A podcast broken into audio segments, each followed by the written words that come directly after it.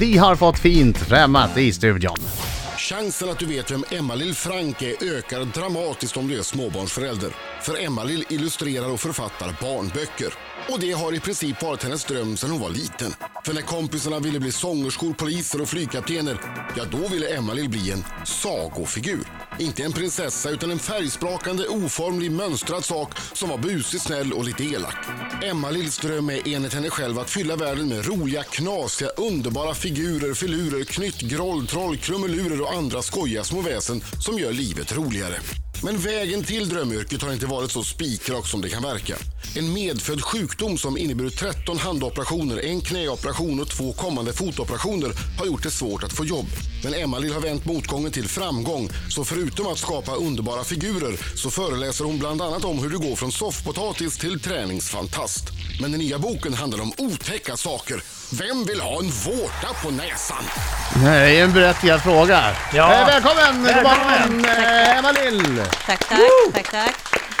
Ja, det var inte illustratör och författare du hade tänkt att bli. Du hade ett företag eh, i friskvårdsbranschen. Jajamän, Tränings, eh, träningsfirma. Absolut. Eh, tyvärr så kunde jag inte fortsätta med den på grund av min sjukdom. Men eh, också tack vare min sjukdom som jag eh, började träna från allra första början. Men eh, vad, är det för sjukdom du har? Det är en bindvävssjukdom. Eh, jag kan knappt uttala det, jag är ju dyslektiker också, så det är jättetypiskt att man får så konstiga syndrom. Men Ehlers Danlos syndrom förkortas EDS, enklare att säga EDS. Och vad är det som händer då? Det, det, händerna funkar inte riktigt eller? På mig är det så att bindväven går sönder, så ledband och eh, senor och sånt eh, går av helt enkelt. Så eh, varje gång de försöker laga någonting så flyttas det till nästa led och eh, så försöker de laga igen. Eh, nu har de gett upp, så nu min 14 handoperation så stelopererar de vänsterhanden. Men, eh, men ändå, ändå målar du och du, du även syr, syr gosedjur och sånt. Alltså hur funkar det? Det, det, det går, alltså, ja, uppenbarligen eftersom du gör det, men ja, eh, i sy gör jag faktiskt inte så mycket längre. nej. det funkar inte så bra. Eh, måla gör jag ju. Ehm, det går, jag får jätteont, jag kan inte måla så länge jag vill, så mycket jag vill. Eh, men jag får mindre ont av att sitta och måla än till exempel sitta och skriva på en dator. Så att det är väl att man har lärt sig eh, hålla arm och sånt så att det ska passa bättre för att minska smärtan helt enkelt. Men, men jag måste bara få gå tillbaka igen. Du startar den här firman. Mm. Det, går jättebra. Du tränar själv och du tränar andra. Mm. Eh, eh, men, men händerna vill inte riktigt. Nej. Och du var en av de första som hade kettlebells i Sverige, var du inte det? Ja, i gruppform. Ja. Jag var med på en av de första utbildningarna där vid eh, köra kettlebells och det var precis i slutet av, eh, eh, ja, som jag hade det här företaget som jag började med detta. Så jag höll inte på med det jättelänge men det. Men du hade ju ändå tänkt, eh, du hade ett företag, hade, och sen så gick det bara inte längre. Vad, vad händer då då i kroppen? Blir man, blir man inte deppig när Mm. det man har tänkt sig bara plötsligt, nej, ja, det här funkar inte? Jo, eh, alltså läkarna sa till mig ganska många gånger att du måste lägga ner det här, du kan inte fortsätta med detta, du måste varva ner, du måste eh, ja, träna liksom för dig själv. Sluta lyft grejer! Ja, precis. Eh, och jag hade jättesvårt för att acceptera det. Eh, men så sa de nu, nu, tre läkare satt framför mig. Specialistläkare från Malmö, läkare från Växjö, så här jättepondus läkare och bara nu, nu lägger du ner. Nu går det inte mer. Så, här, så att jag bara okej, förstod själv att det här fixar inte jag. Det. Jag hade ju på något sätt trott att jag skulle frälsa världen med träning liksom. För jag hade ju blivit så mycket bättre. Jag hade ju rullstol som hjälpmedel innan träningen. Och Jaha. slapp ju nästa rullstolen på grund av att jag tränade upp mig så bra. Så då tyckte jag, men vad fasen, träning är ju halleluja, så eh, det är klart att jag ville fortsätta med det. Men eh, när de bestämt för hundrade gången sa du måste lägga ner det här, så, eh, så hotade jag faktiskt med att såga av mig tummen, för min man är hantverkare. Så sa jag så här, ja men om ni inte skaffar psykolog till mig nu, så tar jag hans såg. Ehlers eh, Danlos syndrom, EDS. Ja, du var grym på att uttala det. Ja, jag vet. Jag vet. Det är mitt jobb att uttala saker. Det är det är inte så många som får det här. Och, och det verkar vara en lömsk sjukdom för att det finns ju många olika typer av den. Ja. Eh, svårt att veta exakt. Ja. Vad sa de när du var liten?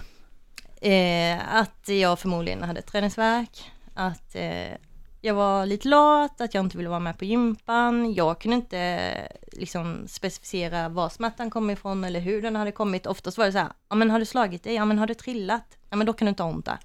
Men är det, var det så att, eh, alltså blir det värre av fysisk aktivitet? Är det så att man kan liksom gå runt och inte ha ont och sen så är du med på gympan eller någonting och får jätteont när du börjar? Eller hur? Har, är det som en konstant smärta? Nu, idag är det ju en konstant smärta. Ja, Men eh, då när man växte upp så var det väl mer så att du gjorde någonting där du eh, hade en led i ett ytterläge. ja okej. Eh, och då började det göra ont. Ja. Då, det var när man inte riktigt hade kontroll på det. Ja. Styrketräning är ju jättebra om man slutar vid rätt punkt.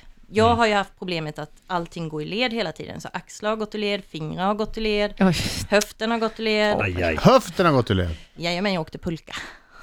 nej. Herregud. Så eh, ett ganska stillsamt liv är ju för min del att rekommendera. Sen är Ja. det ju såklart Men, men okej, då har du, då har jag sagt att Emma Lill-Frank som är här. Nej, det har du inte. Nej, Jag jag tänkte det. Emma precis, Lill-Frank som är eh, här. bara, Precis. Emma Lill-Frank, som, Illustratör, ni har säkert sett hennes illustrationer. Mm.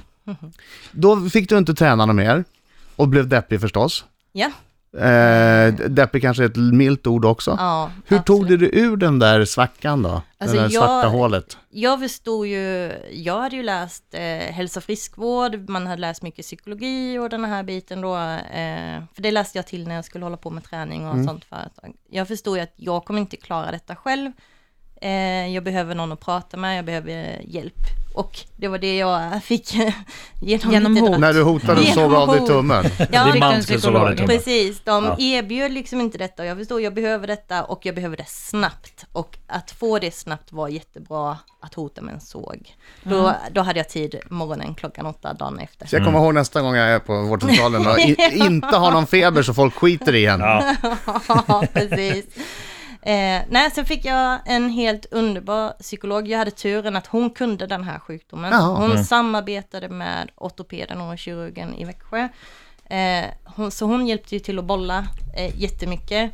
Jag var där och jag var jätteledsen och jag var jätteledsen kanske en timme, en och en halv, hur länge jag nu satt där. Åkte hem och försökte vara jätteglad för att eh, jag ville ändå vara glad liksom och kände att jag, eftersom jag var hemma så mycket så ville jag inte förknippa det med det tråkiga och så. Ah, ja. Så jag Ah, försökte smart. hålla det där, Mm. älta det där och sen försöka gå vidare utanför.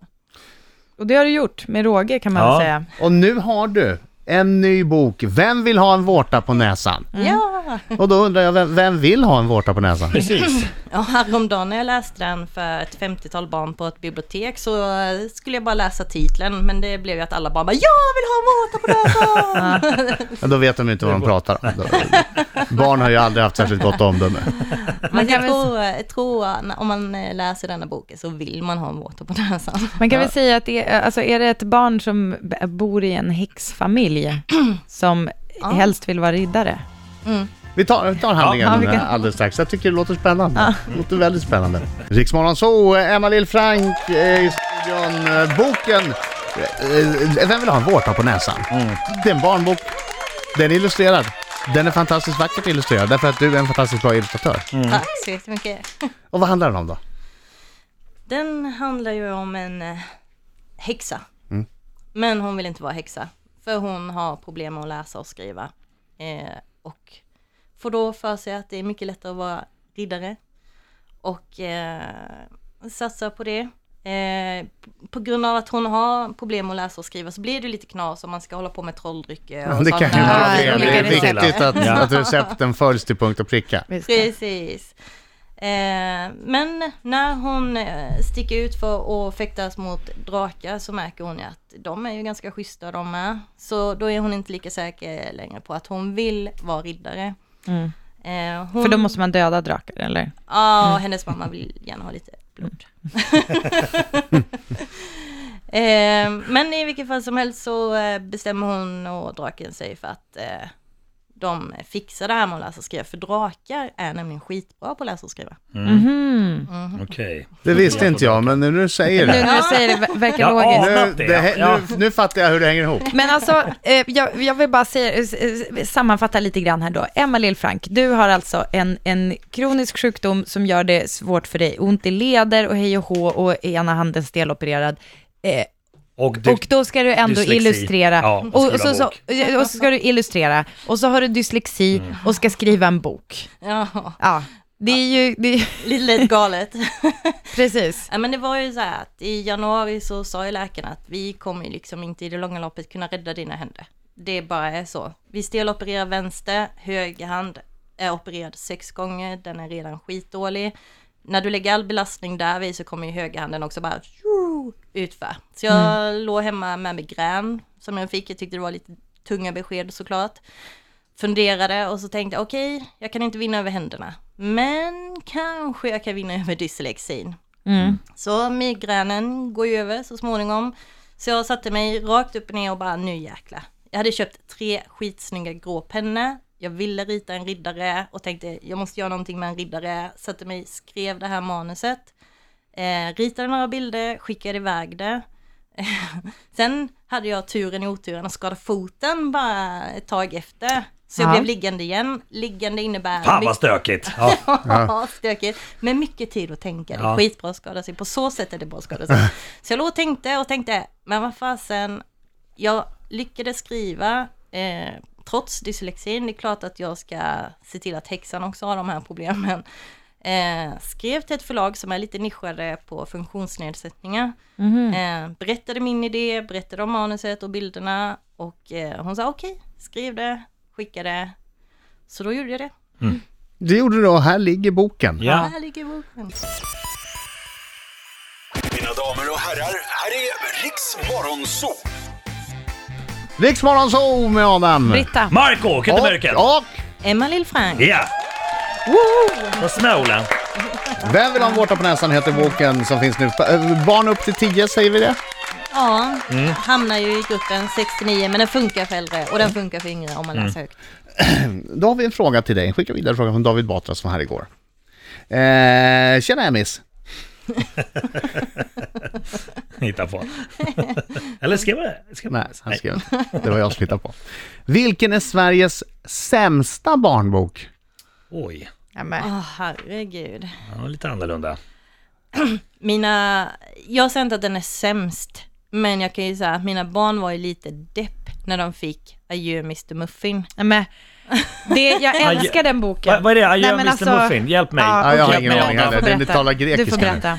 Jag, jag kommer, det är typ så här en eh, hamster som dör. Nej, men det, Är det det nej. handlar om? Här, alltså det är världens finaste nej, historia. Nej, nej. Om en gammal, en gammal marsvin tror jag det är. Ja, det kanske det är. Ja, som ska dö. Och barnet som har marsvin skriver brev till Mr Muffin. Och alltså slutordet, alltså, och Mr Muffin dör till slut. Sorry, sorry för spoiler. Och då, skriver, då står det i brevet så här, alltså jag kan inte säga det utan att börja gråta. Alltså den är så fin. Det är så här, nu vet du mer än vi Mr Muffin, nu vet du vad som händer när man dör. Och så är det brevet från Ja, jag- jag barnet. inte- jag tänker Nej, inte den läsa- är, jag men tänker inte är läsa fin. den. Jag Ja, tror jo, att det är är bra så- att prata med barn om Nej. döden också. Ja, men Jo. nej, jag vill inte, inte nu. Men den är jätte- jag. Inte nödvändigt. Nej. En riktig gråtfest är det ju. Ja det är den. Ja. Inte sämsta men kanske inte den man Nej. roligast åt. Vem vill ha en vårta på näsan eh, heter din bok i alla fall. Emma Lill Frank, tack för att du kom hit. Tack, Tack. tack. Tack så jättemycket tack. för att jag fick